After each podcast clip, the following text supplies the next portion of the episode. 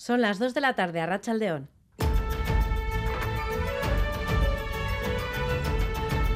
Crónica de Euskadi con Irache Martínez. El consejero de Educación, Joaquín Bildarratz, ha hablado sobre el pacto educativo y aseguraba que, más allá de las desavenencias con los partidos, sigue manteniendo un diálogo con todos los firmantes del acuerdo. En Crónica de Euskadi, fin de semana, el consejero afirmaba que prepara ya la próxima reunión de la Comisión de Seguimiento del Pacto. Ha habido reuniones, eh, pero no de la comisión. En ese sentido no voy a decir lo que no ha sido, eh, pero estamos trabajando y cuadrando agendas. Pero también le digo que serán, eh, será una reunión eh, discreta, además de que ya tenemos establecido el calendario para los próximos meses también para eh, esta comisión de trabajo.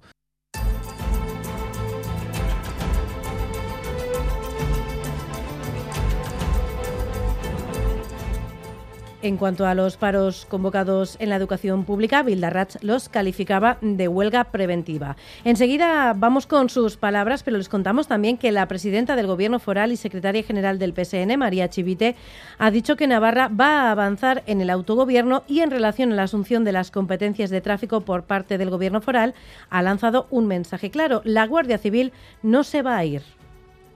¿Acaso no fue la derecha de Aznar y de Miguel Sanz quien anunció por primera vez un acuerdo para la transferencia de tráfico hace 23 años. ¿Qué pasa? Que si lo hacen ellos, avanzamos en autogobierno y si lo conseguimos los demás es que queremos echar a la Guardia Civil de esta comunidad. Eso es hipocresía. Les contamos también que en Zamudio la Ertzaintza sigue buscando a los dos individuos que esta madrugada golpeaban y robaban en su caserío a un anciano de 89 años. Durante dos horas le maniataron y golpearon con fuerza para robarle mil euros. El alcalde de Zamudio, Igot López, cree que los ocupas que desde diciembre han ocupado un edificio del municipio son los autores de esta agresión.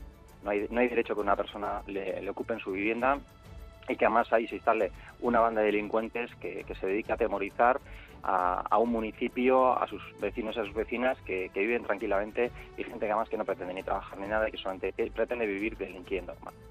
Y una última hora, al menos ocho personas han muerto en la isla italiana de Ischia después de que se haya registrado un corrimiento de tierra tras las intensas lluvias de los últimos días. Otras 13 personas permanecen desaparecidas. El corrimiento de tierra se llevó por delante una casa y se busca a posibles supervivientes. Entre los fallecidos se encuentra un matrimonio y su hijo recién nacido. Enseguida vamos con estos y otros asuntos, pero antes repasamos ya la actualidad deportiva. John Zubieta, Rachaldeón. Hola, Rachaldeón. El Mundial de Qatar adquiere tintes especialmente emocionantes con el partido que cierra la jornada de hoy. Argentina necesita reaccionar ante México para no verse apeada. En el primer partido de la jornada de hoy, Australia ha vencido a Túnez por 1-0. Ahora está en juego el Polonia-Arabia Saudí. Además, el Atlético femenino se mide al Villarreal esta tarde y el Alavés de Luis García Plaza al equipo de Castellón en Mendizorroza.